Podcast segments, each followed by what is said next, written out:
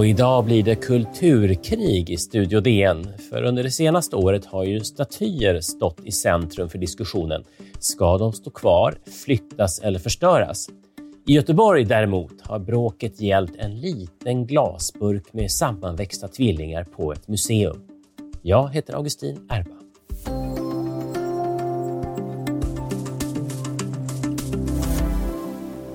Ja, idag ska det handla om två stycken över hundra år gamla sammanväxta tvillingar.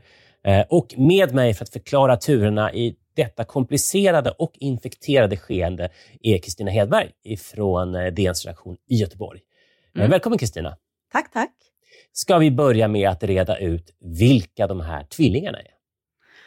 Ja, gud, jag önskar jag kunde det, för det har faktiskt varit något som många har frågat sig. De har ju då, eh, det är två foster från tidigt 1800-tal. Du sa över 100 år, de är nog 200 år gamla. 1820 tror man att de här sammanväxta tvillingflickorna las i formalin i en burk som sedan dess inte har öppnats. Eh, men vilka de var, vem bar dem, var, eh, var kom de ifrån? Allt detta är okänt för nutidens levande människor. Mm. Eh, och eh, Vi kanske kommer återkomma lite grann till, till eh, hur de hamnade på museet. Men ska vi först eh, eh förklara lite grann om varför det blev sånt bråk om dem? Varför skulle de tas bort till att börja med? Jo, men det finns eh, ju en eh, eh riktning eller ett arbete som pågår med eh, till exempel är det välbekant att eh, samiska skelett till exempel återförs till Sametinget för begravningar eller tyg som hittats i inka-ruiner som kolonisatörer kanske har plundrat och tagit till Europa återförs till eh, det land och den befolkning som eh, äger dem i något slags eh, ehm, med, på, ett, på ett mänskligt vis i alla fall, eller av hävd och så vidare. Den typen av eh, rörelse pågår ju över hela världen eh, på olika ställen och där eh, inkluderas då också den här, hur, vilken, det här var ju mänskliga kvarlevor i en burk som vi idag tittar på som ett eh, utställningsobjekt och då ställdes helt enkelt frågan, är detta värdigt? Är det etiskt? Behöver vi ha dem där? Eller blir det freakshow och eh, eh, bara något otäckt, äckligt som, som inte hör samtiden till? Så kan man väl säga. I, i, de, i den eh, diskussionen hamnade de här tvillingarna. Mm. Eh, och, eh, och, det, och det här var på ett museum i Göteborg. Kan du berätta, hur, hur var det när du själv såg de här tvillingarna för första gången? det känns som att jag såg dem hela tiden när jag var barn, så jag vet inte exakt när den första gången var. Det är ju så här att på Naturhistoriska museet i Göteborg så finns det några ikoniska objekt. Eh, mest känd är nog den malmska blåvalen. Finns ju en myt i Göteborg om att man kunde sitta där och fika när man var skolbarn. Det har tydligen aldrig hänt, men jag tror att jag fikade inuti valen. Och jag tror att nästan alla göteborgare tror att de har fikat inuti valen, men eh, det är i alla fall en jättestor val som finns utställd eh, inuti där. Och så finns det ett lejon som heter Simba som man brukade springa förbi. Och när jag var barn då så fanns också den här, inte så lilla burken, jag ska säga att den var ju ganska stor, det är ändå två nästan fullgångna foster tillsammans i en burk. Vet ni, jag gör bara en jättekort paus, hör ni att det borras här eller? Och alltså när man kom förbi där som skolbarn så var det ju med, man ville in i rummet och man ville inte, för det såg eh, otäckt ut.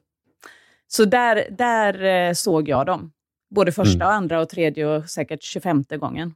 Mm. Um, så att, uh, men det här blev ju, uh, och då här kan ju låta som att, att, att det är en relativt okomplicerad process då, uh, men det är ju det minsta det har varit. Um, ska vi börja med, hur gjorde museet för att bedöma om de skulle ha kvar eh, de här eh, tvillingarna eller inte?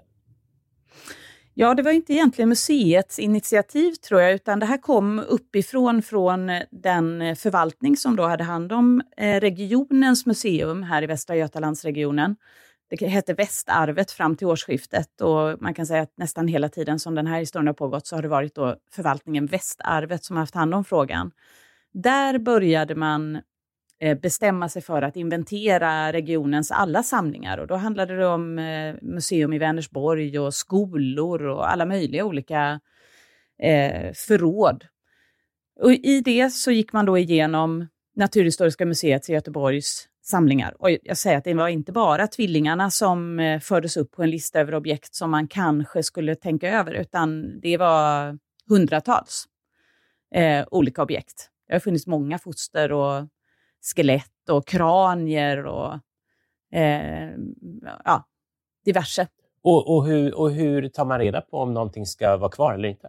Ja, det gjorde man med en eh, slags skattningssystem, en tabell, där man eh, går igenom då vad vet vi om det här objektet? Vad har det för relevans? Eh, är det någonting som eh, har betydelse för oss? Är det unikt eller finns det fler på andra ställen? Måste vi ha det och så vidare? Och Eh, man kunde få, eh, som objekt kunde man få max 25 poäng och ju högre poäng desto större chans att eh, objektet skulle sparas och vara kvar. Jag ska säga att sparas betyder ju inte nödvändigtvis visas. Den här eh, tvillingburken har inte stått till allmänt beskådande på några år nu. 2017 flyttades det definitivt in i ett låst magasin. Innan dess var det i ett begränsat rum dit man inte... Så att det där som jag var med om som barn, att springa in i dem lite oförberedd, eh, det har inte hänt på länge. Men, men eh, nu handlar det om de överhuvudtaget skulle finnas kvar eller inte. Så att då hade man alltså en, man hade alltså en matematisk metod eh, med tabeller där man skulle lyckas lista ut eh, Ska det här vara kvar eller inte? Och I slutet av den här matematiken så kom det fram en siffra. Och Då tänker man så här att det här borde ju förstås då alla varit överens om. Men så är det inte alls. Eh, och Det återkommer vi till strax efter pausen.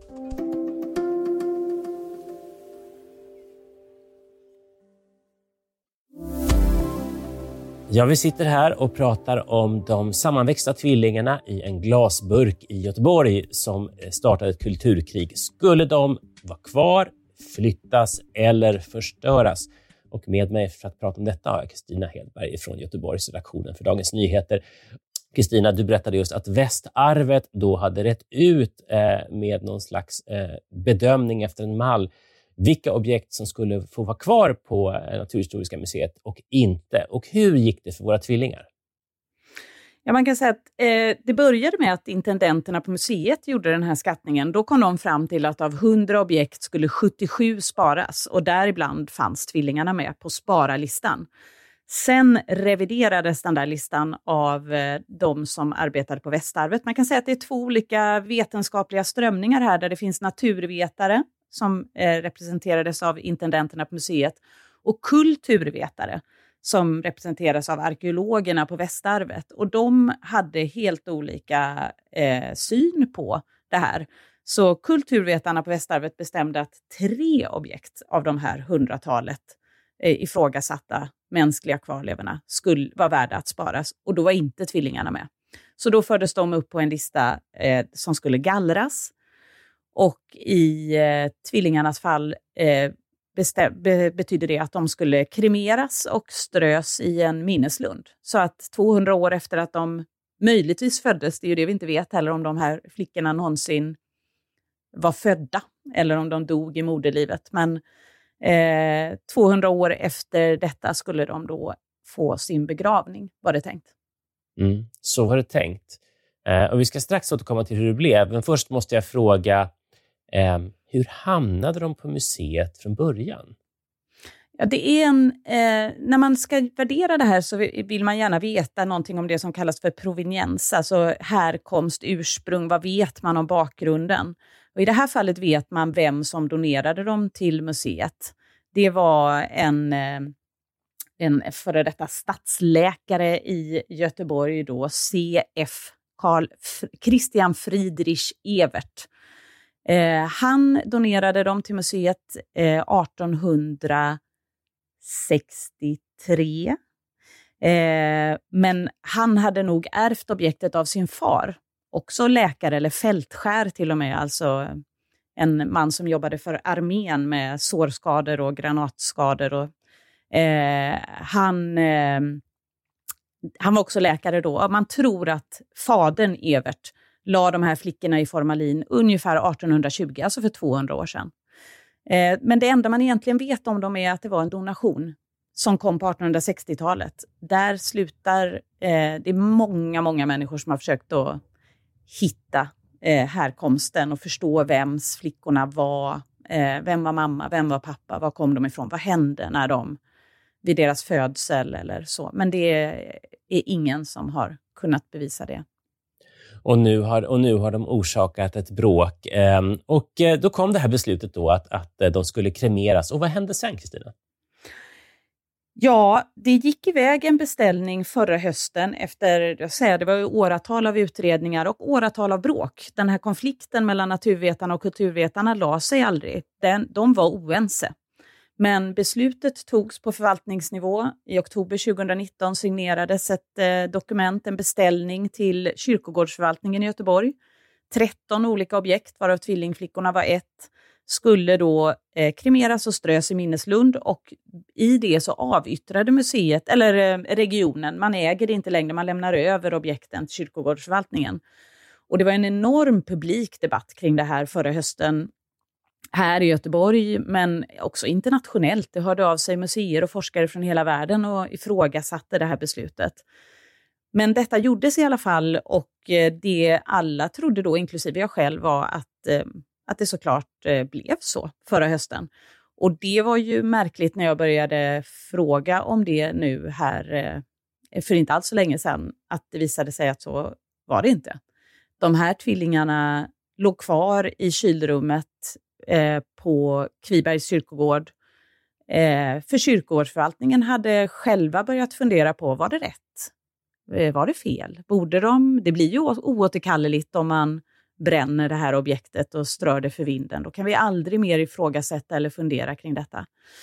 Och jag ska säga, jag redogjorde ganska noga för vad kulturvetarna tyckte varför de inte ska finnas. Vi behöver inte det här längre. Det är bara sensationellt och snaskigt på något vis.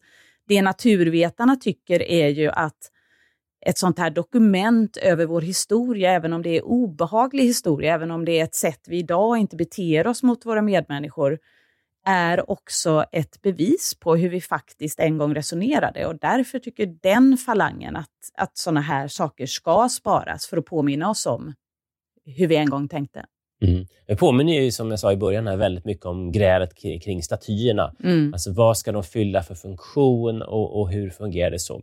Ja, så när du då höll på att skriva din jättefina artikel som, som mm. finns ute på, på dn.se förstås, eh, om de här eh, sammanväxta tvillingarna och upptäckte att de inte var kremerade som hade, de hade blivit instruerade att göra. Vad hände sen? Ja, ganska, det har gått ganska snabbt faktiskt. För från att eh, jag skrev den här artikeln och berättade då att ingenting hade hänt, eh, den här stora konflikten var, eh, låg i frysen så att säga. Det var tänkt att gå upp i rök, men den hade istället konserverats där i kylrummet. Så eh, blev det en ganska snabb, eh, informations, eh, ett snabbt informationsutbyte mellan de förvaltningarna och eh, bara häromdagen så kom beskedet att kyrkogårdsförvaltningen nu i en anonym ceremoni har kremerat tvillingflickorna och, och de andra objekten som hade kommit till dem, strött dem i minneslunden, också anonymt. Och det är inget konstigt, så ska det tydligen vara i en minneslund, att man ska inte veta exakt när och var askan sprids. Eh, så på så sätt är det en slags punkt satt nu för deras öde. Men jag kan säga att bråket eh, fortsätter, konflikten fortsätter eh, intendenten på Naturhistoriska museet, Magnus Gelang, som, eh, Magnus Gelang, som eh, har varit mest högljudd kring det här, vill eh, utreda om museilagen tillämpades korrekt i det här fallet. Och det, det är inte riktigt lagt till handlingarna, trots allt.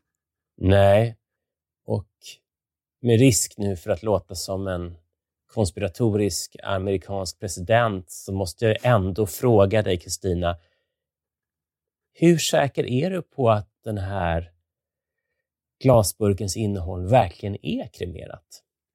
men jag är inte så, det är kanske en svaghet som journalist att jag är inte så konspiratoriskt lagd. Jag tror faktiskt att de är det. Men, eh, ja du.